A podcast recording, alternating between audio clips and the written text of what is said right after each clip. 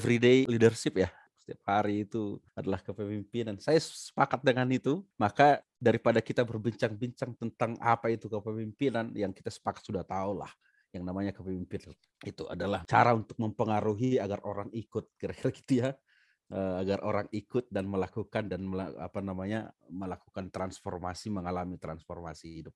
Nah, itu kepemimpinan, tapi itu berlaku buat dua hal, untuk diri dan orang lain.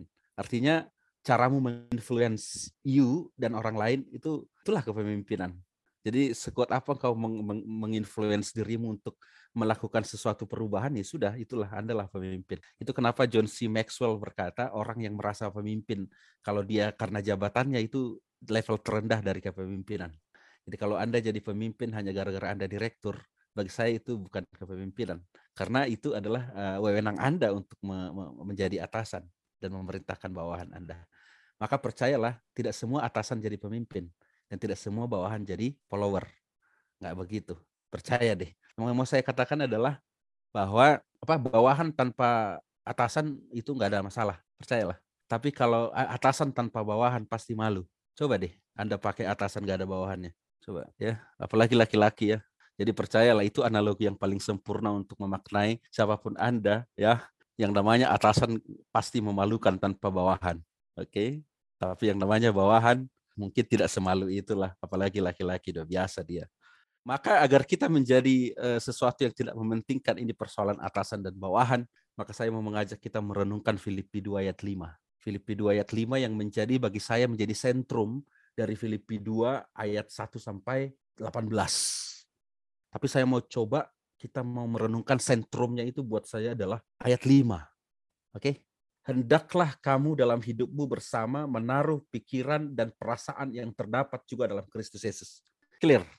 Itulah kepemimpinan yang didasari oleh iman. Kalau Anda orang percaya, mau jadi pemimpin gampang. Hendaklah kamu dalam hidupmu bersama menaruh pikiran dan perasaan yang terdapat juga dalam Kristus Yesus. Jadi kita nggak mau penting kesetiaan, apa namanya, kemampuan, pengorbanan, semua sebenarnya sudah di cover seperti apa yang terdapat dalam diri Yesus. Jadi teman-teman kalau menjadi pemimpin yang sebenarnya adalah ketika kau mampu meletakkan hidupmu sama seperti yang terdapat juga di dalam Yesus. Nah, jadi ini guidance-nya begini.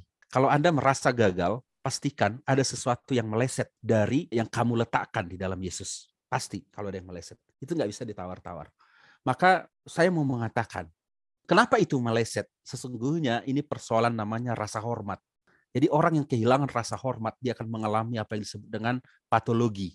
Patologi itu kan penyakit ya, bisa penyakit sosial, bisa penyakit macam-macam, termasuk penyakit dalam diri, termasuk insecure. Itu kan penyakit toh. Insecure misalnya. Insecure itu sebenarnya muncul karena you kehilangan rasa hormat kepada diri lu sendiri gitu. Jadi ketika lu kehilangan rasa hormat dalam diri lu sendiri, boro-boro memimpin orang, memimpin dirimu aja lu nggak pede toh, kan gitu. Itu yang mau kita insecure. Jadi laki-laki kalau mau membuat cewek itu patah hati gampang, membuat dia kecewa gampang. Pada saat dia ulang tahun, kasih kadonya timbangan, langsung nangis dia. Kenapa? Karena banyak perempuan sekarang insecure dengan bobot tubuhnya. Nambah satu gram dia langsung bilang, aku gendut gitu. Aku gendut satu gram.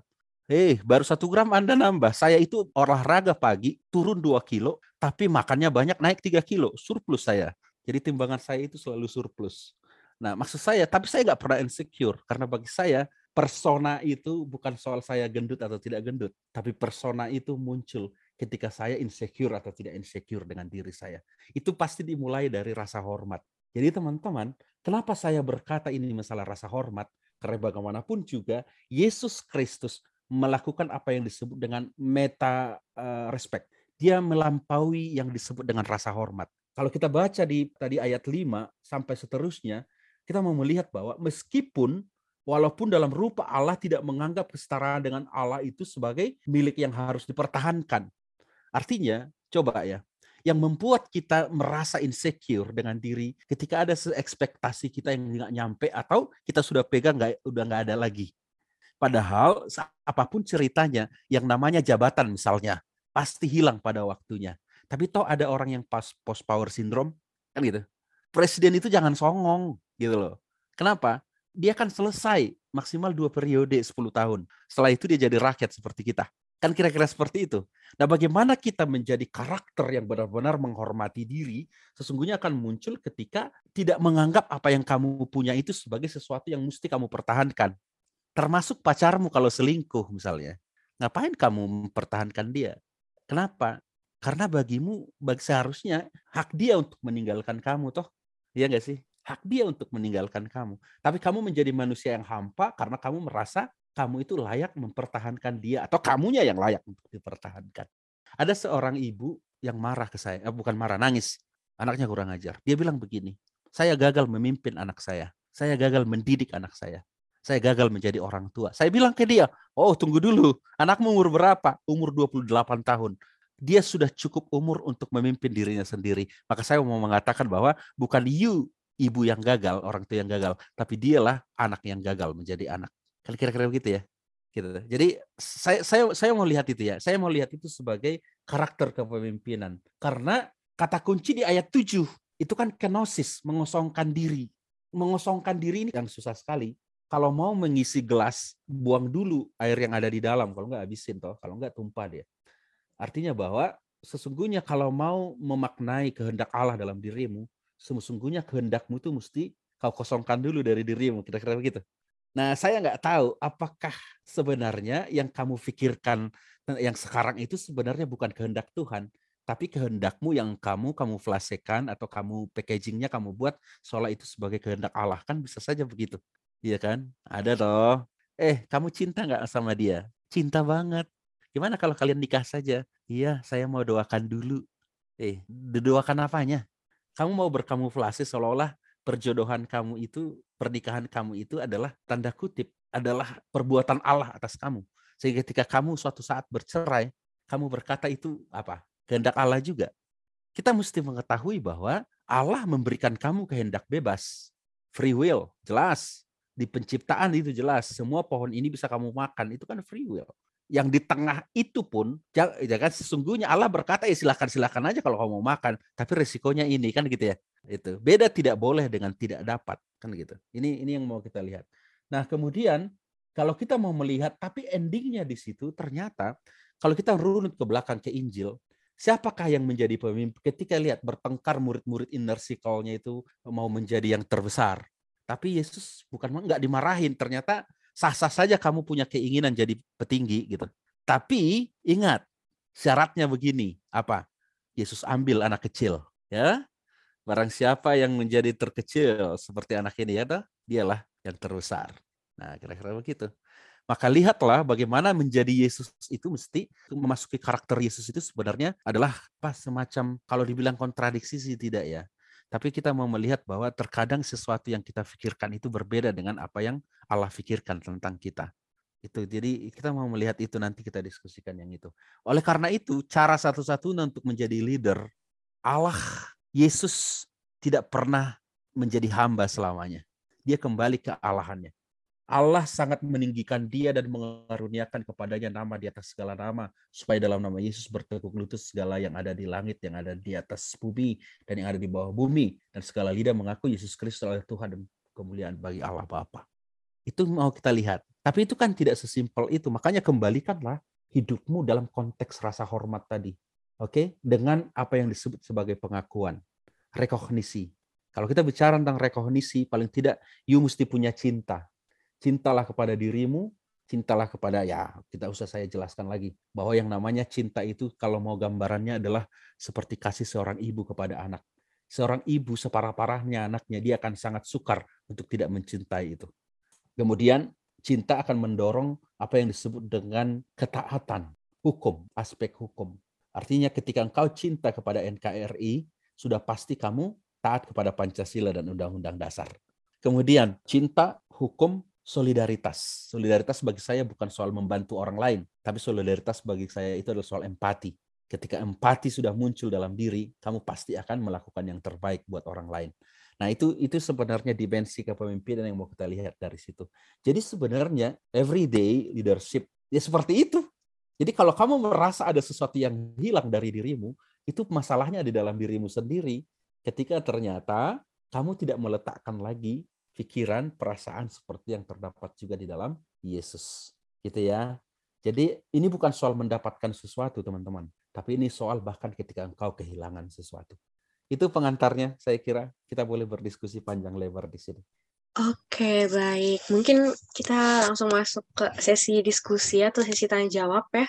Mungkin aku sedikit uh, review dikit mungkin ya. Tadi mungkin yang dengerin agak uh, mungkin kesentil-sentil jadi lupa gitu ya mau tanya di bagian mana. Jadi tadi ada tentang mengosongkan diri dari keinginan diri sendiri untuk bisa lebih ngenalin lagi, lebih nerima juga nih apa sih yang maunya Tuhan untuk ngelit kita sesuai dengan uh, kehendak Tuhan gitu. Dan juga tadi kalau ngomongin tentang mengosongkan diri, ada juga nih meletakkan perasaan dan pikiran kita seperti apa sih yang maunya Tuhan itu. Jadi mungkin di sini lebih ke jadi leader untuk diri kita sendiri, tapi tentunya dengan tuntunan Tuhan ya, sesuai dengan apa sih maunya Tuhan gitu. Mungkin ada yang masih bagian-bagian yang bingung atau mau nambahin dari review aku tadi, boleh mungkin yang mau tanya jawab atau mau uh, diskusi tektokan gitu sama pendeta Frankie kali ini boleh raise hand-nya.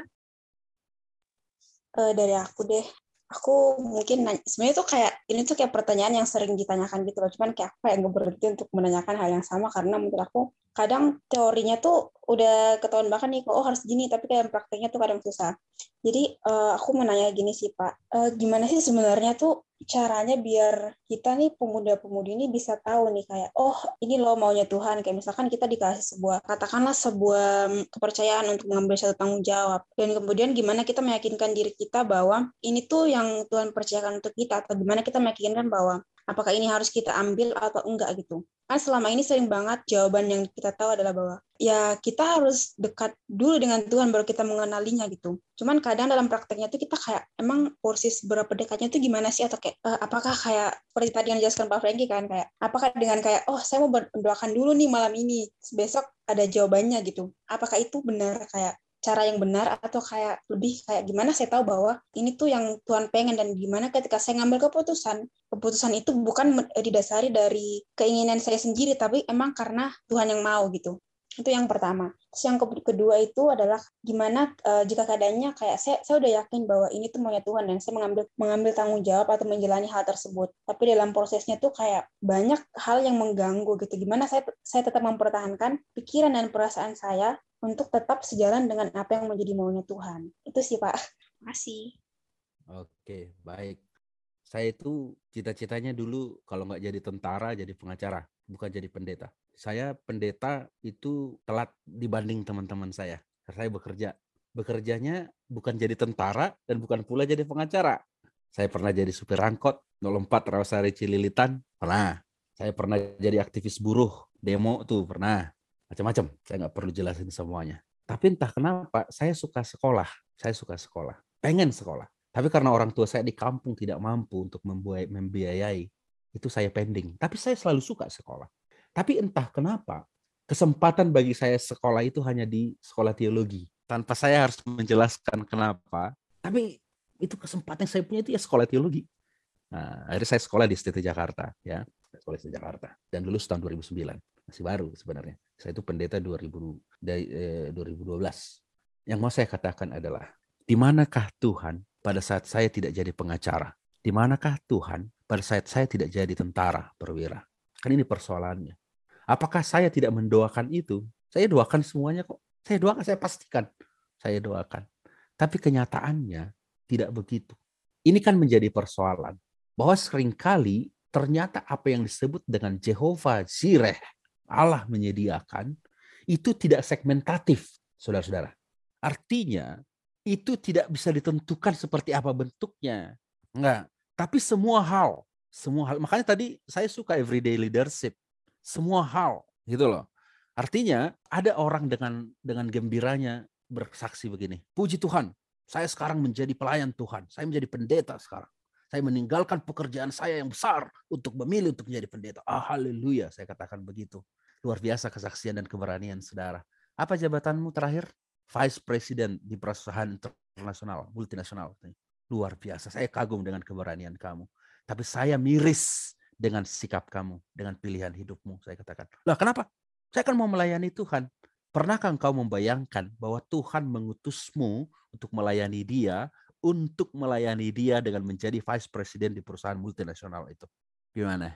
Pernahkah engkau membayangkan bahwa Tuhan menyuruh kamu menjadi vice president untuk kamu bisa melayani orang-orang di perusahaan itu? Paling tidak untuk menunjukkan cara hidup yang benar, untuk tidak korup, untuk punya dedikasi, untuk punya integritas. Kan gitu ya. Sekarang kan ada orang yang ya kalau melayani Tuhan ya jadi pendeta gitu. Kalau kalian semua jadi pendeta, saya jadi apa coba? Itu yang mau saya katakan. Nah seperti seperti itu ya, mungkin bisa ditangkap arah arah maksud saya. Yang perlu kamu lakukan, gini, dunia ini sudah karena dosa udah pasti nggak adil deh, percaya deh sama saya. Maka terkadang saya tidak berdoa lagi untuk minta keadilan kepada Tuhan. Terus apa dong? Saya berdoa kepada Tuhan agar bisa hidup di tengah-tengah ketidakadilan dengan adil. Nah itu maksudnya. Jadi eh, saya kira saya tidak pakem ini, tapi kalau Anda mau memahami kehendak Allah dalam diri saudara, itu bisa paradoks. Paradoks itu kelihatan tidak benar di, di secara universal, tapi kenyataannya itulah yang benar. Kira-kira gitu ya, itu paradoks. Mungkin terlihat orang akan berkata, aduh ngapain dia di situ? Atau kenapa harus ini? Nah, pada saat kapan kau, kau membuktikan bahwa itu adalah pengutusan Tuhan, dan kau benar-benar bisa paling tidak mendorong dirimu untuk melakukan kehendak Allah ketika melakukan itu. Kan itu ya. Ini ini yang mau kita lihat. Jadi saya tidak terlalu suka ketika ada saya nggak tahu teman-teman kalau di persekutuan selalu ketemu yang namanya ini kita berdoa berkau tidak jadi apa kita semua menjadi kepala tapi bukan jadi ekor yang itu kalau itu soal jabatan hancur kita kalau itu soal posisi kerja hancur kita apakah orang Kristen tidak boleh jadi cleaning service seolah itu menjadi dosa No, no, no. Jangan dulu dong. Jangan gitu dong ya. Tapi hendaknya ada orang Kristen yang cleaning service yang bertanggung jawab dengan kinerjanya sebagai itu adalah kehendak Tuhan baginya. Itu murid-murid Tuhan Yesus berbagai macam latar belakangnya. Nah itu itu mungkin jawaban untuk Krista. Saya nggak tahu apakah bisa diterjemahkan, tapi maksud saya uh, kelihatan teoritis. Tapi saya saya saya memastikan diri saya bisa terkadang, mohon maaf ya dia, terkadang saya kok saya jadi pendeta sih gitu. Terkadang itu hal yang lumrah bagi diri saya. Kenapa? Saya saya nggak bisa ngehedon gitu, langsung kena saya. Saya selebor orangnya, nggak terlalu tertib gitu. Tapi satu sisi akhirnya saya berpikir, terima kasih juga Tuhan saya jadi pendeta. Paling tidak saya bisa mengontrol diri saya. Ini bukan orang ini bukan soal urusan surga ya, tapi saya bisa mengontrol diri saya untuk tidak terjerumus kepada hal yang mungkin bisa menjadi aib buat saya. Karena saya, oh, ayo uh, ngedrunk gitu saya, uh, minum bareng mabok oh saya pendeta ternyata saya kurang-kurangi kira-kira gitu itu kan menjadi self control untuk kita nah kepemimpinan everyday di situ penguasaan diri penguasaan diri. Bagaimana cara menguasai diri dengan itu tadi? Ayat 5 itu menarik buat saya selalu itu menjadi ayat favorit saya meskipun semuanya favorit. Hendaklah kamu dalam hidupmu bersama-sama menaruh pikiran dan perasaan yang terdapat juga dalam Kristus Yesus. Itu bahasa kerennya itu imitatio Christi mengimitasi Yesus meniru Yesus. Ketika dia kehilangan, tirulah cara Yesus menghadapi kehilangan. Gitu. Ketika dia marah, tirulah cara Yesus ketika engkau marah. Ketika Yesus lapar, tirulah cara Yesus. Ketika dia capek, tirulah cara Yesus. Kan bisa istirahat. Yesus juga istirahat toh, meskipun keganggu terus. Nah, seperti seperti itu.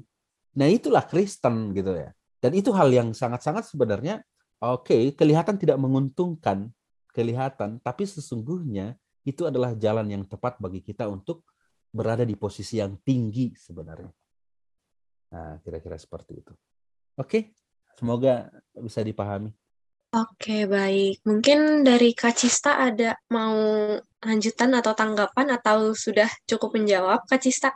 Ya, cukup kok. Paling aku bakal ini sih kayak yang paling aku tangkap adalah kayak tadi seperti kata Pak Franky bahwa dalam setiap setiap apa pun yang kita lakukan kan sebenarnya kita bisa mempraktekkan kepemimpinan kita atau leadership itu. Jadi kayak apalagi menyangkut profesi itu kan kayak apa eh, kan biasa kan kita mikirnya pelayanan itu hanya di gereja atau kayak kepemimpinan akan kita praktekkan dalam bentuk pelayanan di gereja gitu kan. Tapi uh, yang benar adalah kayak di mana pun kita berada kita bisa mempraktekkan kepemimpinan ini baik bagi diri kita sendiri maupun bagi orang lain kayak misalkan di kantor di sekolah kuliah atau di mana pun kita berada sih terima kasih ya Pak Franky tapi tetaplah merindukan gereja iya. karena jadi tidak hmm. mau melayani di komisi misalnya kan nggak mau aktif jangan dong itu Nah, Katanya, itu iya, katanya cinta Tuhan tapi benci persekutuan. Nah, itu repot tuh urusan tuh.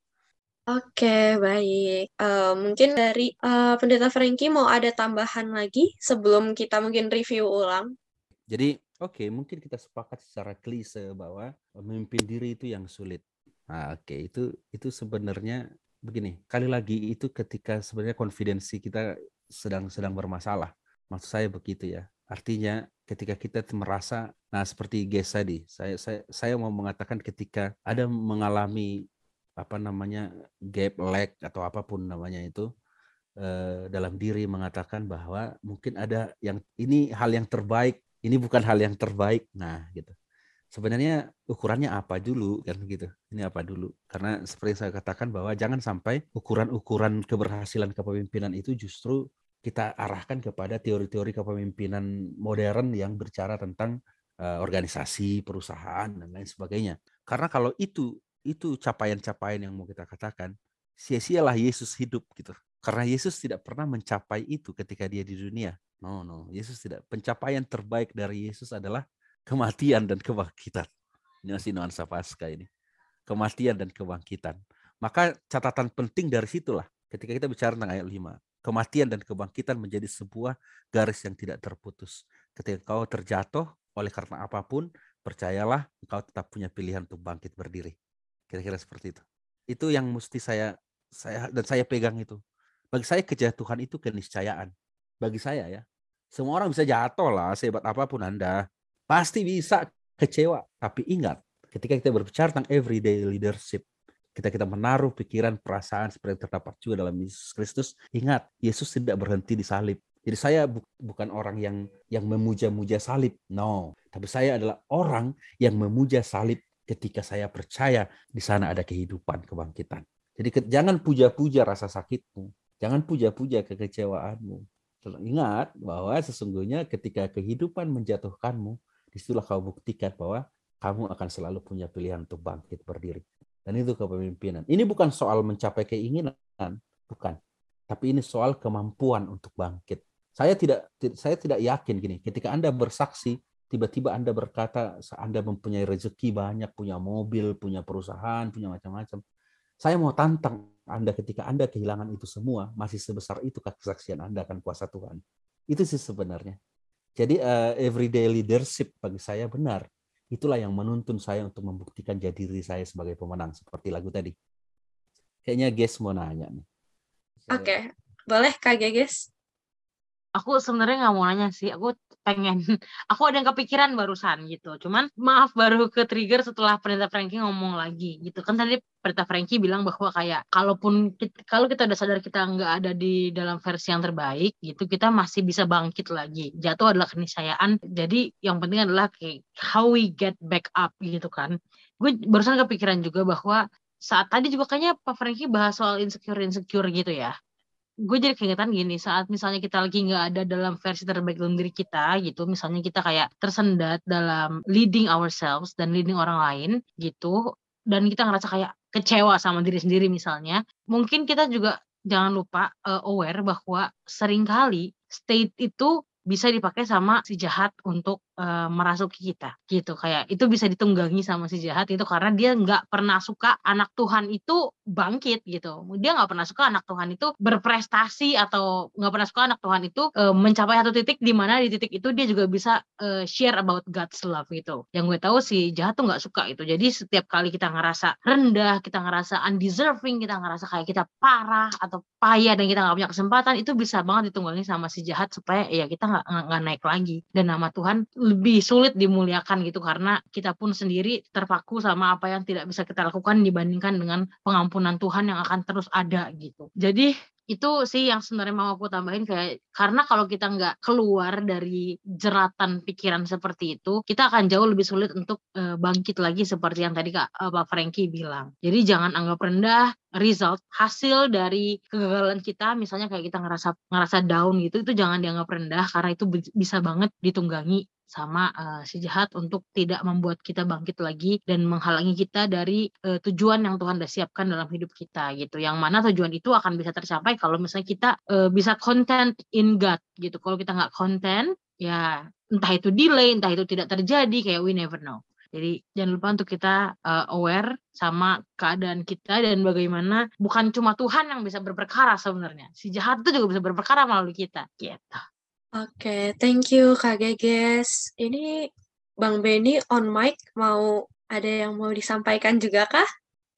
Gini sih Kak, aku mau nanya. Aku manggil kakak nggak apa-apa ya? Atau abang lah ya? ini bang ada yang mau kutanyain soalnya kan gini aku cukup tergerak soal kalimat bahwa kita itu justru yang harus bergerak kan sebenarnya bang kalau dari yang hari ini kita pelajarin Tuhan menyediakan tapi memang kita yang harus bergerak nah terkadang ini menurutku ada uh, masalah di mana kita itu ambisius atau jadi malah jatuhnya obsesi ini bang gitu loh. Nah itu yang sebenarnya kalau uh, aku kurang tahu nih aku pengen tahunya adalah indikatornya mana sih sebenarnya kalau misalkan kita bisa bilang jatuhnya itu obsesi gitu loh. Sedangkan yang mungkin bukan itu bagian kita dan sebenarnya yang kita harus lakukan mungkin adalah ambisius. Nah itu indikatornya di mana? Sama ya kalau menurut aku ini nggak sekadar cuma ketika mau meraih jabatan atau gimana tapi justru ketika lagi berada memegang jadi leader juga kita harus tahu kan ada limit-limit yang harus kita batasi apa harus ada yang kita batasi lah itu sih bang uh, sebenarnya begini menginginkan sesuatu itu tidak berdosa tuh jadi jangan jangan sampai Anda merasa berdosa menginginkan, oh saya pengen jadi presiden atau saya ingin ngelamar Lisa Blackpink kata Benny kan misalnya. Nggak ada masalah dengan itu. Tapi yang mau katakan ketika Lisa Blackpink menolak cintamu, apakah itu akhir kehidupan? Itu maksud saya. Jadi paskah buat saya itu adalah optimisme. Kalau seorang pemimpin kehilangan optimisme dalam diri, mau dibawa ke mana? Negeri ini misalnya. Kalau yang disebarkan hanya kegagalan, ketakutan, kekhawatiran, itu sudah biasa. Yang namanya takut, gagal ya emang biasa gak usah dibahas tuh sebenarnya. Itu itu hal-hal yang sudah akan kita temui. Tapi kan itu yang membedakan kita dengan orang. Saya belajar banyak dulu dari guru saya, Pendeta Eka. Anda pasti tahu lah Pendeta Eka itu, almarhum Eka Dharma Putra. Dia selalu bicara begitu tuh, bahwa kita mesti rasional. Kita mesti rasional, tetapi yang membedakan kita dengan orang-orang yang tidak percaya itu berpengharapan.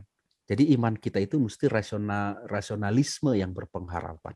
Rasionalisme yang berpengharapan. Rasional bahwa ketika semua lahir di siapa pun yang lahir di dunia, dia pasti akan menerima konsekuensi hidup di dunia. Sakit, jatuh, kecewa, kaya, segala hal. Tapi ketika orang lain biasanya kan nerimo ya, takdir lah, apalah macam-macam lah. Tapi itulah bedanya orang beriman. Dia berpengharapan. Sehingga orang-orang yang orang-orang yang percaya kepada Tuhan dalam optimisme hidupnya, dia akan berkata, untuk hal yang bisa kuubah, aku akan ubah. Tapi untuk hal yang yang tidak bisa kuubah, aku percaya Tuhan sanggup mengubahkan itu untuk saya. Tapi jika pun Tuhan tidak mau mengubahkan itu untuk saya, saya pastikan Tuhan sudah melatih saya untuk menerima kehidupan saya, untuk mengenal diri saya. Kan begitu. Jadi batasan-batasan itu sesungguhnya bukan kita yang buat. Tapi hak, waktulah hakim yang terbaik. Itu kenapa Paulus berkata, cukuplah kasih karuniamu atasku. Paulus loh ngomong itu. Kita lihat seorang Paulus yang sungguh-sungguh rasul yang hebat. Dia doakan orang sembuh. Ada orang yang ngantuk dengar khotbah Tikikus mati, dia doakan hidup. Tapi seorang Paulus mengalami apa yang disebut dengan duri dalam daging. Sakit yang mungkin sekarang namanya kanker otak itu. Dia selalu berdoa kepada Tuhan, tapi dia tidak sembuh. Apa yang dia katakan? Bahwa dia dia bersyukur atas itu karena di situlah dia bisa merasakan kasih karunia Tuhan. Dan seterusnya dalam perjalanan dia akan menerima hukuman mati dia bicara cukuplah kasih karuniamu atasku. Sehingga saya mau mengatakan jangan pernah batasi dirimu seharusnya. Jadi itu mau saya katakan jadi sebenarnya batas-batasan itu jangan kita yang buat gitu loh ketika kita tidak mendapatkannya ya itulah batasnya gitu ya ada saatnya kita berkata berhenti saya orang yang selalu dicalonkan jadi ketua, jadi ketua apa pun. Dan saya pastikan saya adalah orang yang selalu kalah dalam pemilihan itu. Oke, okay? mulai dari ketua OSIS, mulai dari macam-macam. Oke, bahkan saya pernah menjadi mendaftar jadi pemimpin di lembaga tinggi negara. Saya pernah lakukan itu. Tapi saya selalu kalah di akhir-akhirnya. Kalau di awal masih ini, di akhir-akhirnya segala macam ada di situ. Saya bukan berkata ini kehendak Tuhan bagiku, enggak ketika saya berkata itu kehendak inilah kehendak Tuhan atasku.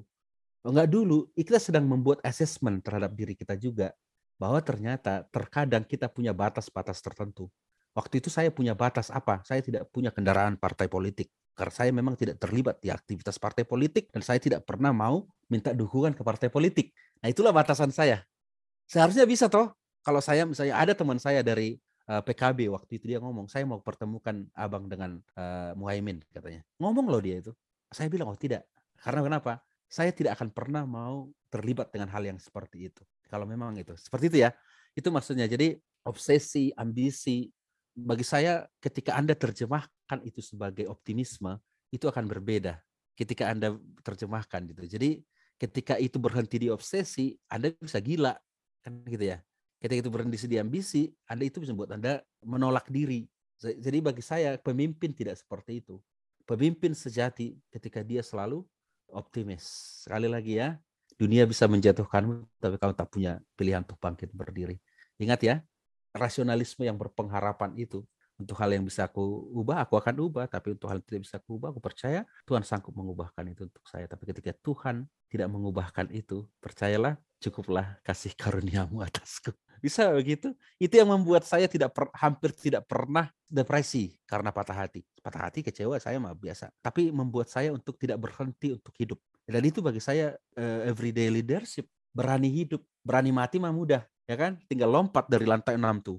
Mati itu mudah, tapi hidup itu rumit. Maka kepemimpinan sehari-hari adalah kepemimpinan yang menabur optimisme untuk setiap hari berani hidup. Dan itulah sesungguhnya yang mau dikatakan firman Tuhan hari ini. Saya pastikan teman-teman dari Komisi Pemuda ini boleh menaburkan itu ke semuanya. Boleh menaburkan itu, boleh membagikan itu, karena bagaimanapun kepemimpinan itu soal influence. Ketika Anda uh, menginfluence, itu kan sebenarnya Anda ingin membuat orang fluent kan gitu ya. Ketika orang sudah fluent, saya kira tidak ada masalah lagi semua bisa dilakukan dengan baik. Begitu ya. Jadi eh, saya kira itulah yang mau disampaikan firman Tuhan hari ini semoga itu bisa dilakukan ya. Ini bukan klise, itu bisa dilakukan. Pasti bisa dilakukan. Ini enggak klise dan saya kira itu akan membuat kita semakin meyakinkan diri bahwa kita itu bukan barang rongsokan. Kita image of God. Kita adalah imago Dei.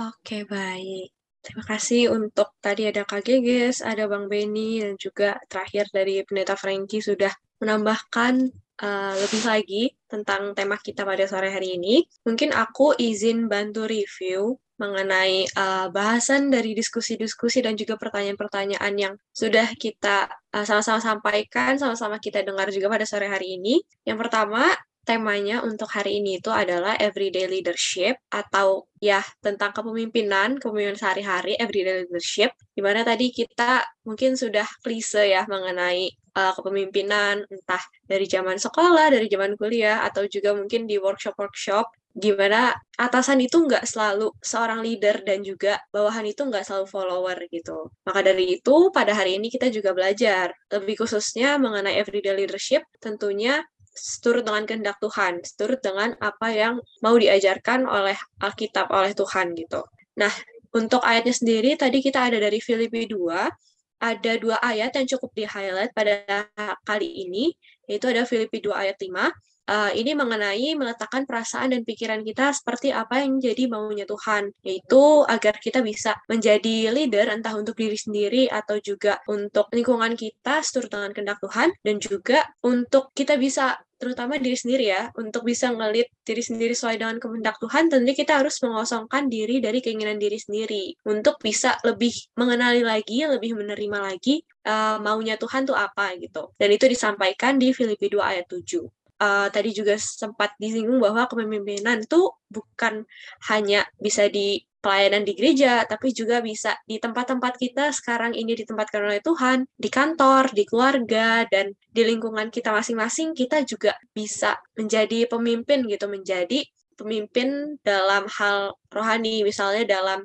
kita bertindak, dalam kita bertanggung jawab atas tugas-tugas yang diberikan dan diamanahkan pada kita. Dan yang paling penting adalah gimana kita dalam keseharian itu mau uh, mendorong diri kita, mau terus memotivasi diri kita untuk melakukan apa sih yang jadi kehendak Tuhan dan menjadi semakin berkenan kepadanya. Dan kepemimpinan ini juga tadi sudah disinggung ini di akhir-akhir itu mengenai penguasain diri itu sendiri, mengenai juga tadi ada pengharapan yang rasional. Begitu. Mungkin kurang lebihnya seperti itu.